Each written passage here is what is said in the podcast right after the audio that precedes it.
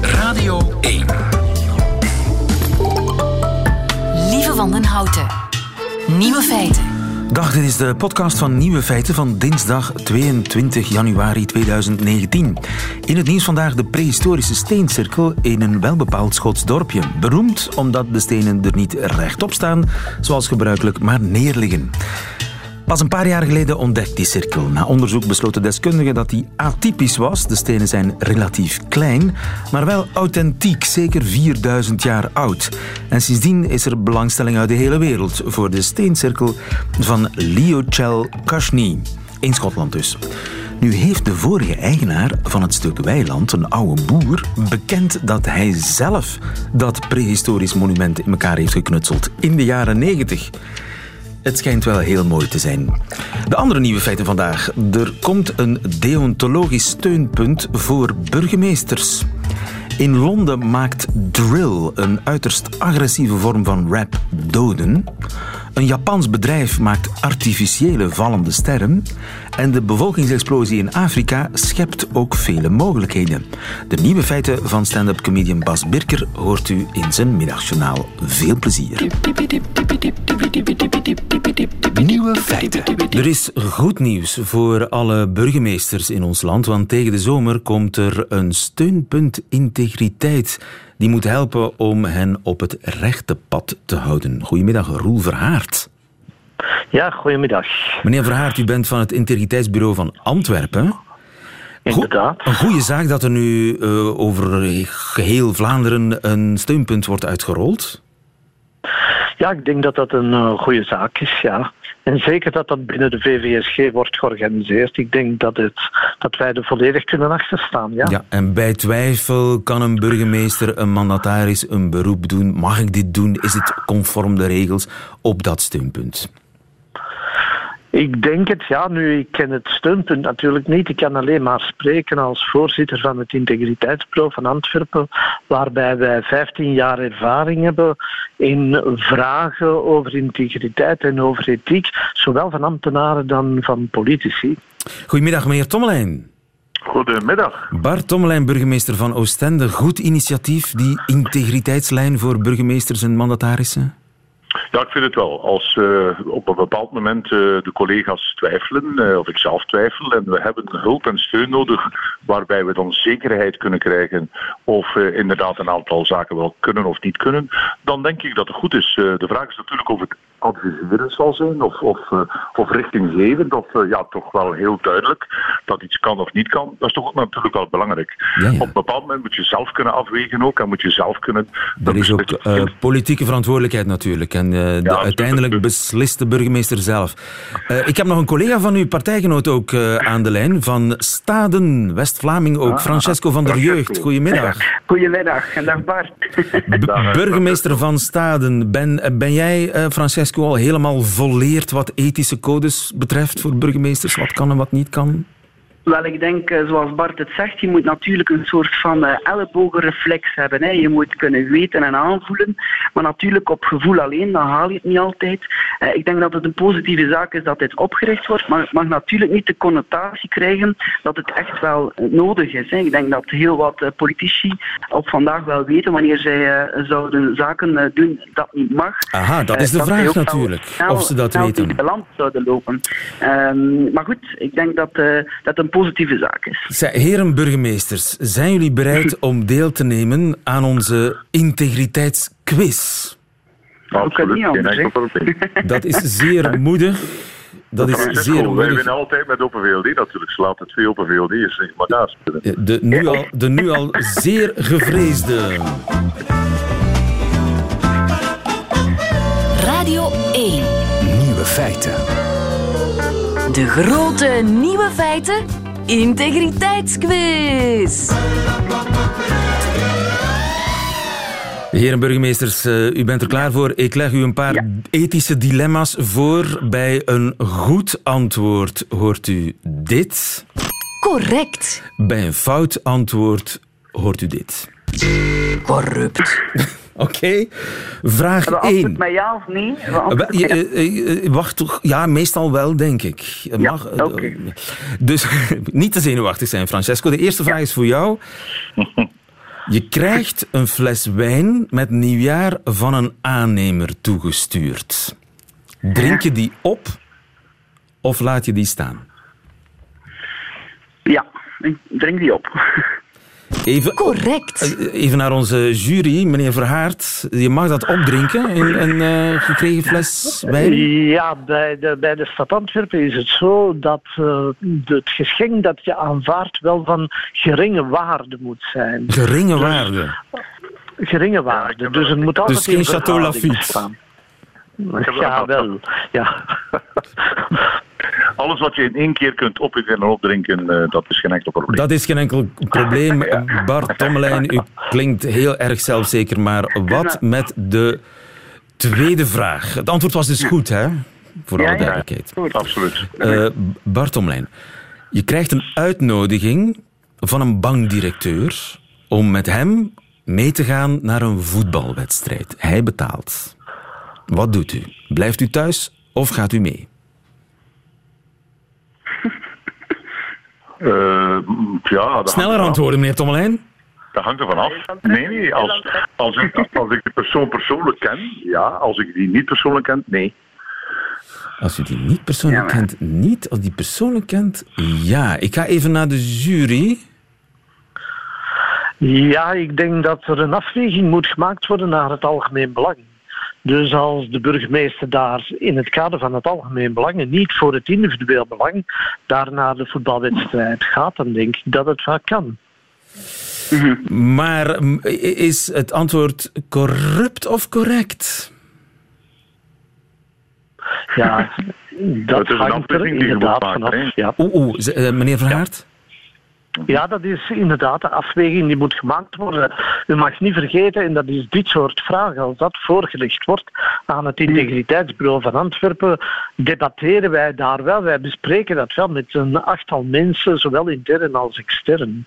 In welke mate dat het kan, nee of ja, als de vraag wordt voorgelegd althans. Ja, maar dit maakt dan al meteen duidelijk hoe moeilijk deze kwestie is. Hè? Ja, inderdaad. Dus eh, Ik we, denk wel dat Bart een goe- goede afweging maakt. we geven hem het voordeel van de twijfel. Correct. Ja. Meneer Tommelijn, als u iemand niet kent, gaat u niet mee. Als u iemand wel kent, gaat u wel mee. Wat is eigenlijk de logica daarachter? Wel, kijk, als ik van een eh, wildvreemde persoon opeens de vraag krijg om naar een voetbalwedstrijd te komen, dan kan ik inderdaad, zoals eh, daar gezegd wordt, nooit inschatten waarom ik gevraagd word op die voetbalwedstrijd. Dat is in feite de achterliggende reden.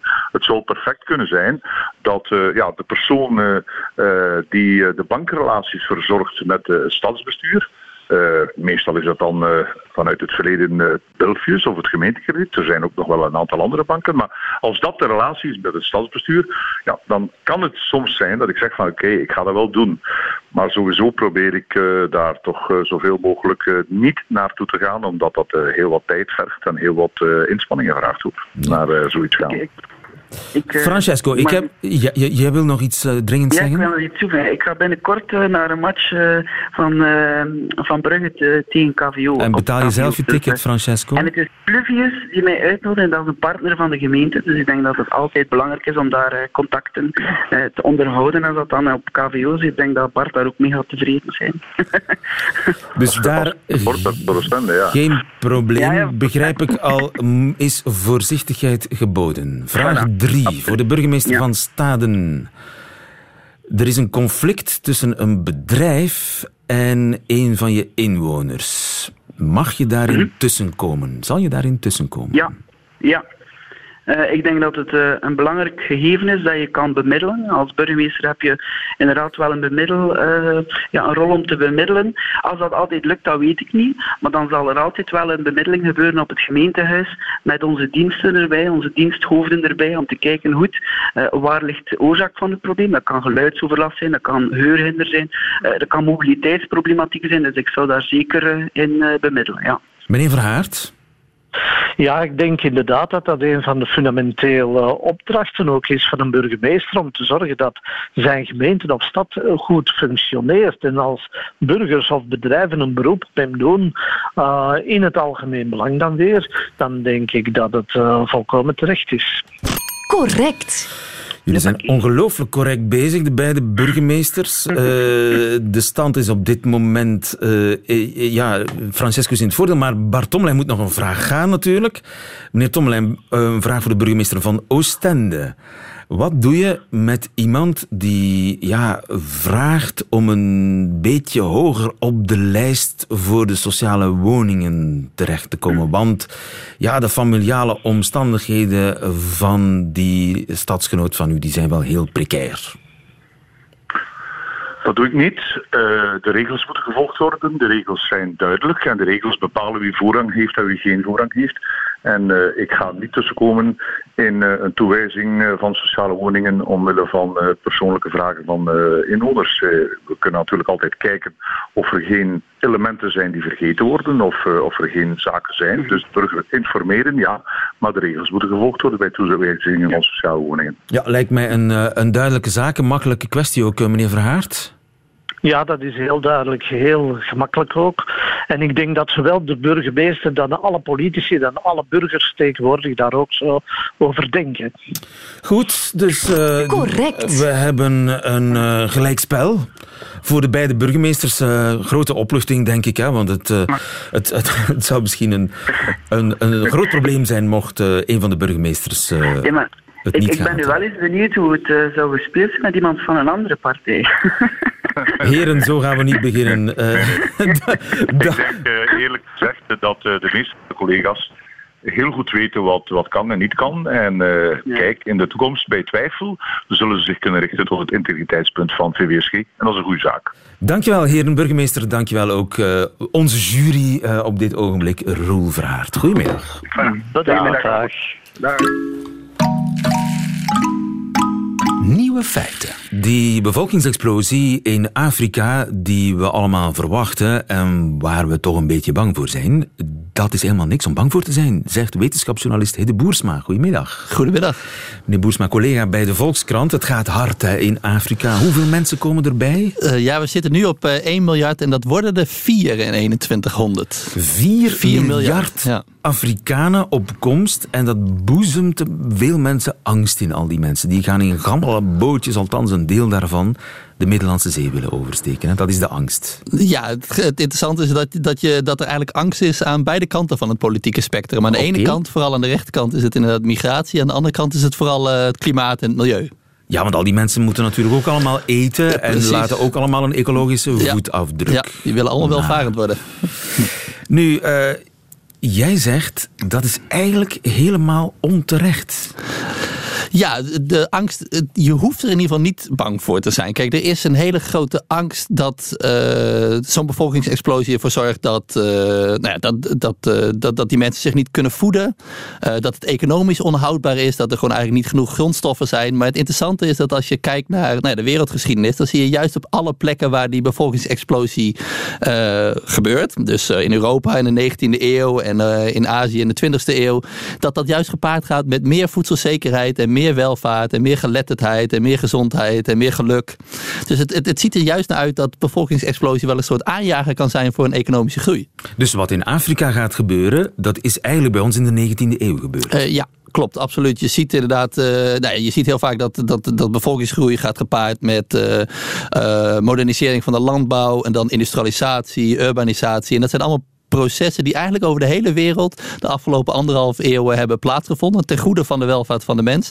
En Afrika heeft dat een beetje misgelopen. En je ziet dat ze dat nu nou ja, langzaam, dat dat daar ook gaat gebeuren. En ik zie dat ook goed komen. De inhaalslag is ja. begonnen. Ja, absoluut. En je hebt namelijk genoeg volk nodig voor ontwikkeling.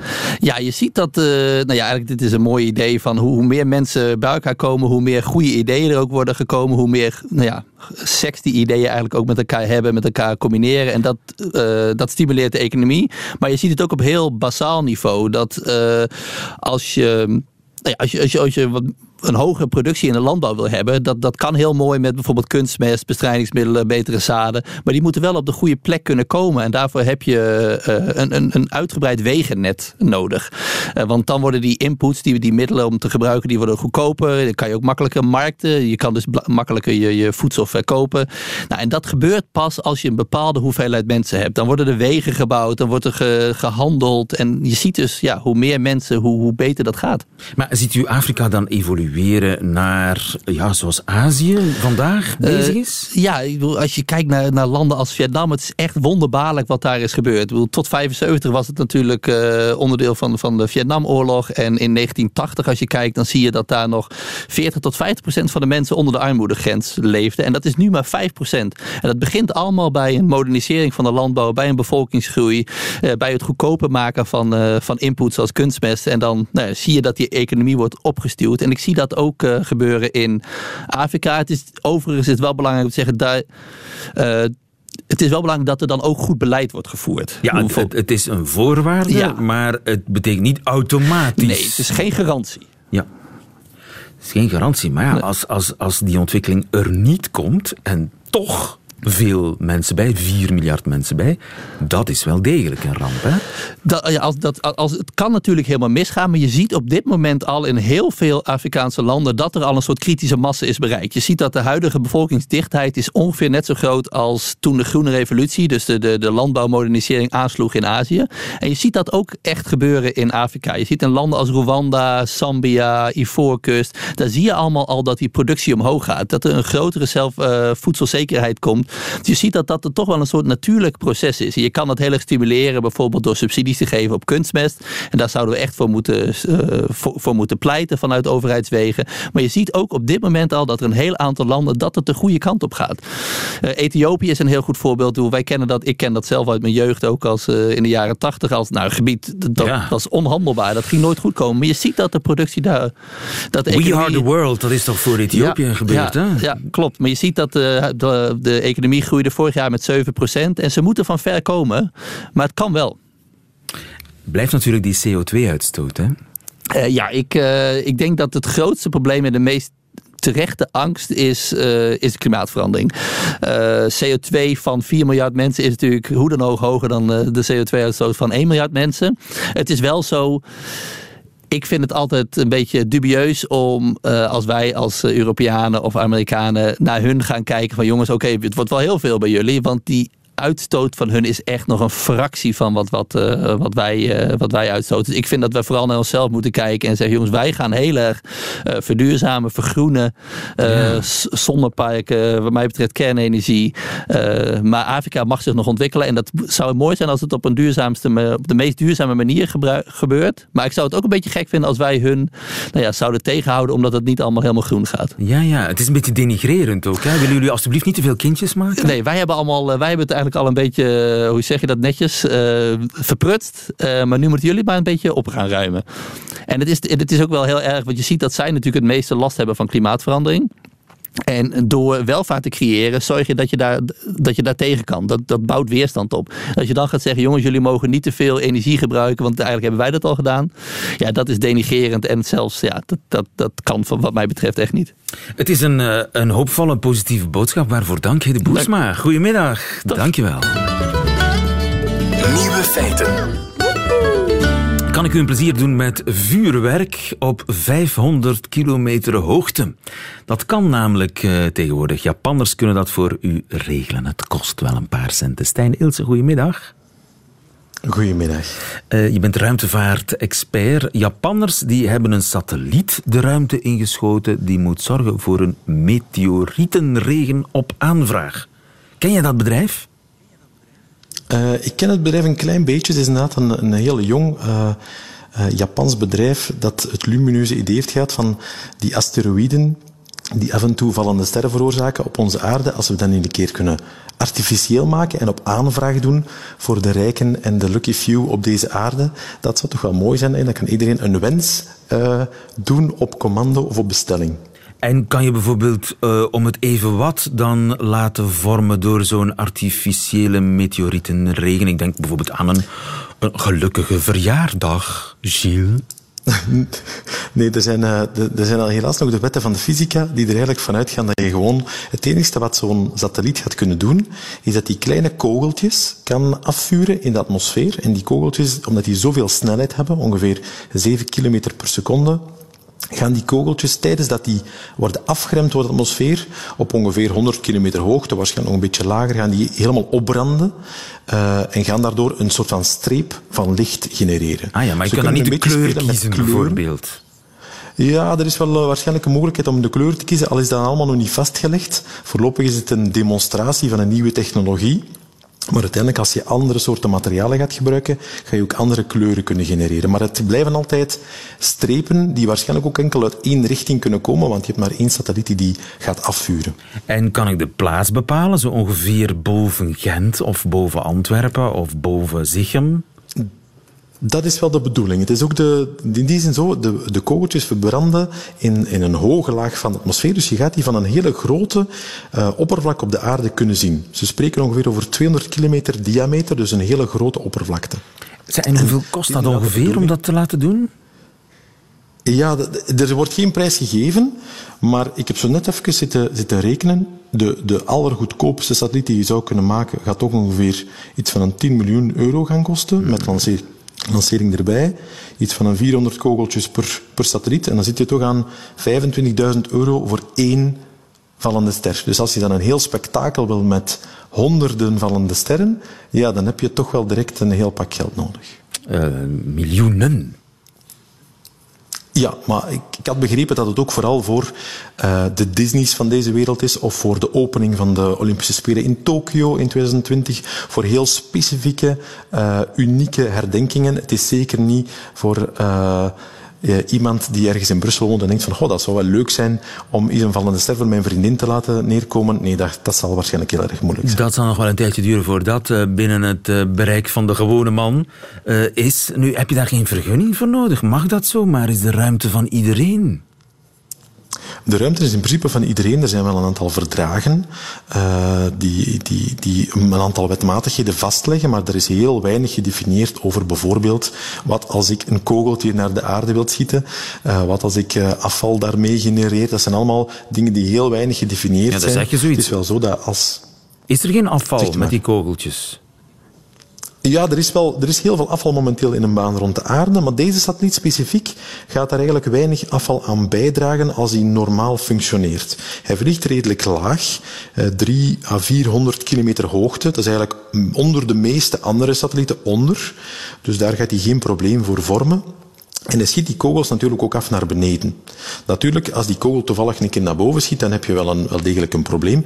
Maar als die naar beneden schiet, gaat dat in principe voor heel weinig uh, problemen zorgen. Enkel het ruimtestation en een aantal andere uh, specifieke zaken bevinden zich onder die 400 kilometer hoogte. En die kan je perfect voorspellen. Ja. Dus je kan daar eigenlijk uh, perfect mee rekening houden dat je daar niet echt een probleem voorbij creëert. Ja, want ik hoop dat je daar, daar zou je een goede verzekering voor nodig hebben als je per ongeluk een ruimtestation raakt. Ja, zeker als daar astronauten in zitten en die uh, laten, uh, leggen het loodje, dan uh, wordt dat een, een burgerlijke aansprakelijkheid in de ruimte. Stel je voor. Nu, um, is dat, dit is nog maar het begin van, van de commercialisering van de ruimte. Ja, het is een van de voorbeelden die eigenlijk nu naar boven komen. Uh, iets dat we de laatste jaren zien is dat door, door onder andere SpaceX met Elon Musk, maar door een aantal andere ontwikkelingen ook, worden eigenlijk, uh, wordt de toegang tot de ruimte veel democratischer. Raketten worden goedkoper, uh, zijn meer afgestemd op kleinere satellieten ook. Waardoor dat je eigenlijk een aantal business cases die vroeger uh, totaal onrealistisch waren, die nu stilaan toch inderdaad tot de mogelijkheden behoren. En dit is een van de specialetjes daarin.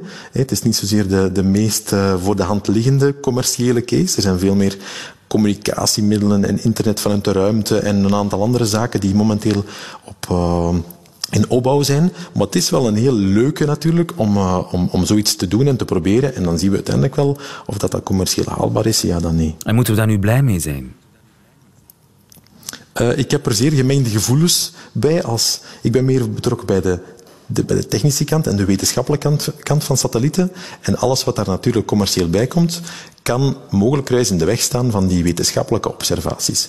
En die wetenschappelijke observaties geven heel veel data voor aardobservatie en bijvoorbeeld klimaatopwarming een aantal heel belangrijke maatschappelijke problemen.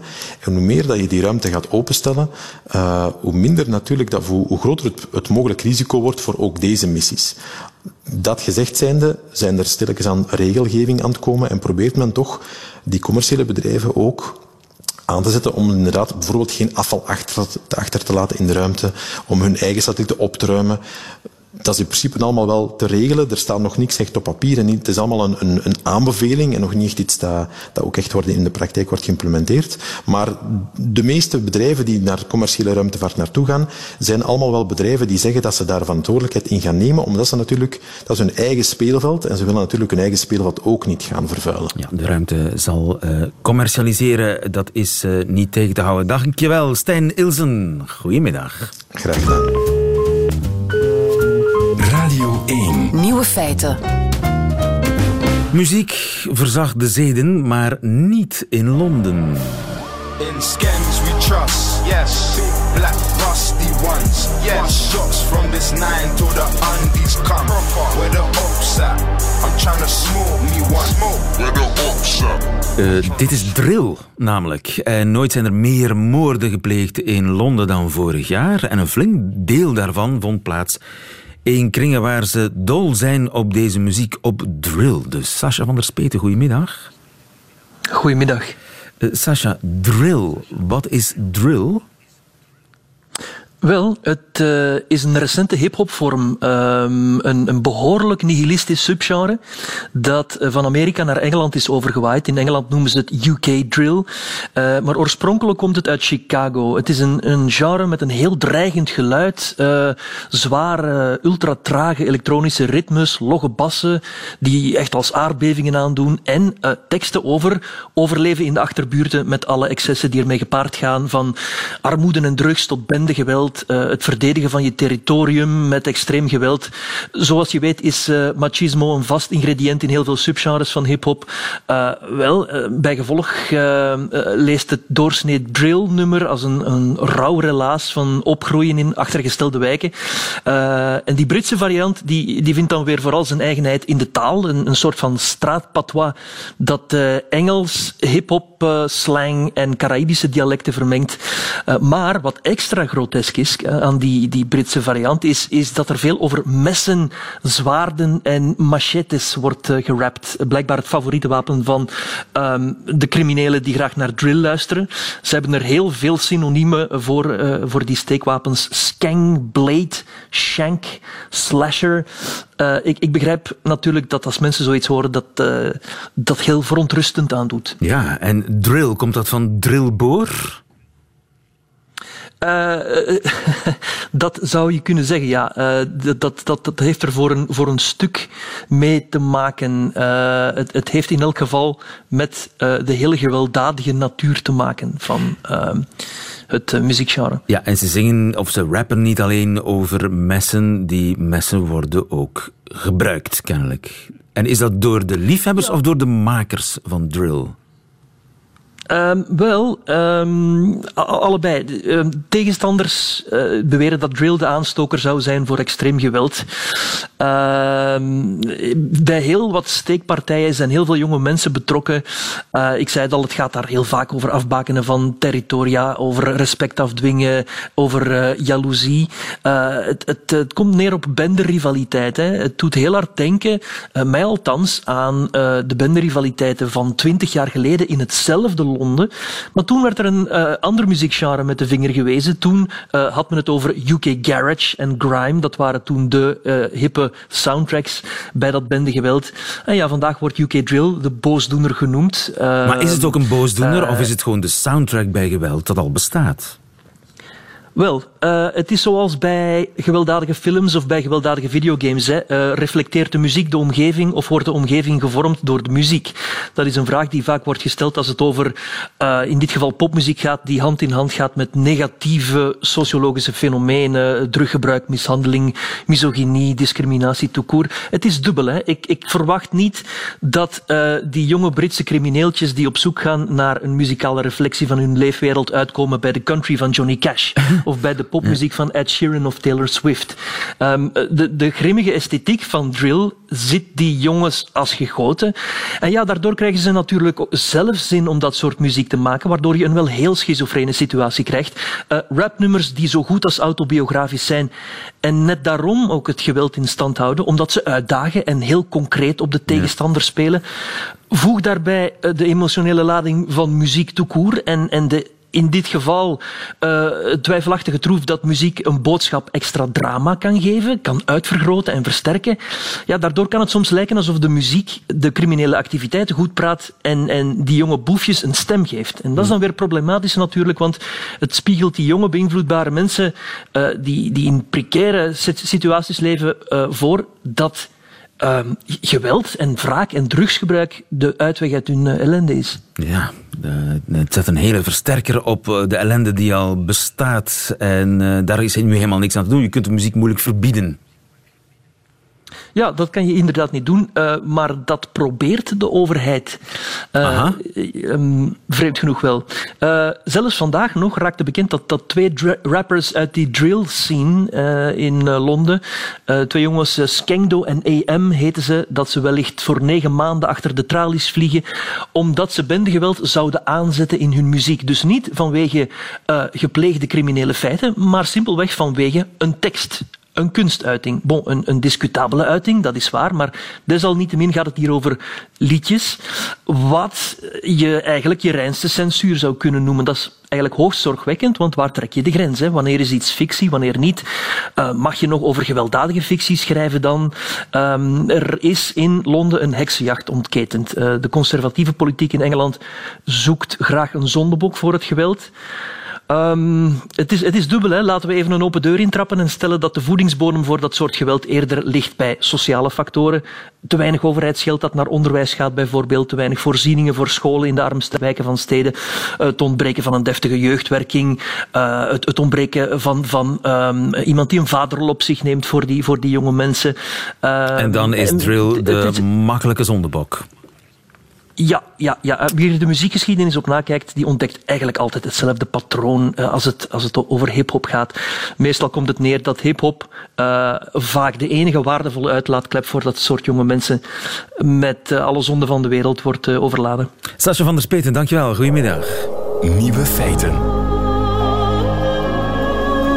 Middagjournaal. Beste landgenoten.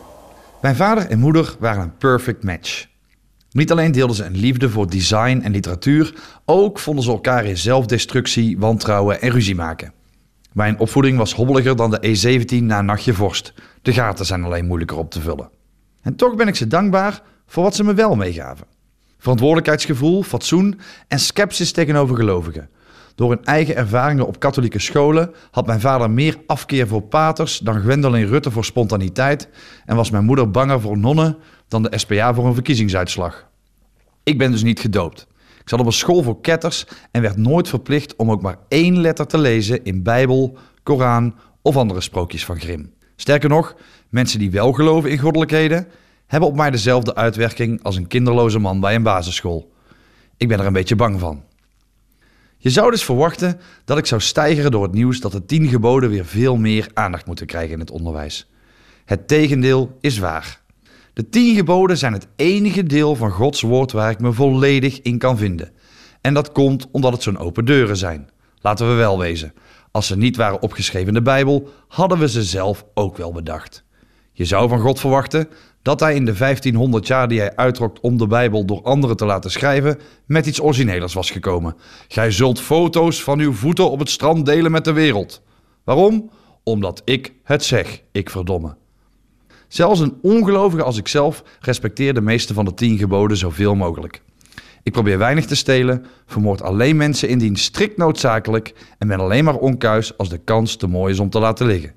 Of zoals de grote verbinder zou zeggen, of je nu christen, jood of opportunist bent, van binnen zijn we allemaal NVA'er. Toch snap ik de heisa rondom het katholiek onderwijs wel. Het is niet echt van deze tijd meer natuurlijk. De kerken lopen leeg, de jeugd is minder gericht op God en meer op haar eigen heilige drievuldigheid. De smartphone, de wifi en de reservebatterij. Geboden als heilig steeds de dag des Heren zijn niet meer op maat van de huidige maatschappij. Was ik de jeugd? Ik zou wekelijks een dag vrijnemen van school met de eis... we willen best geboden leren als ze geüpdate worden. Gij zult altijd online zijn. Bij deze dus een oproep aan alle Anunas van deze wereld. Stop met bosbrossen. Begin met bijbelspijbelen.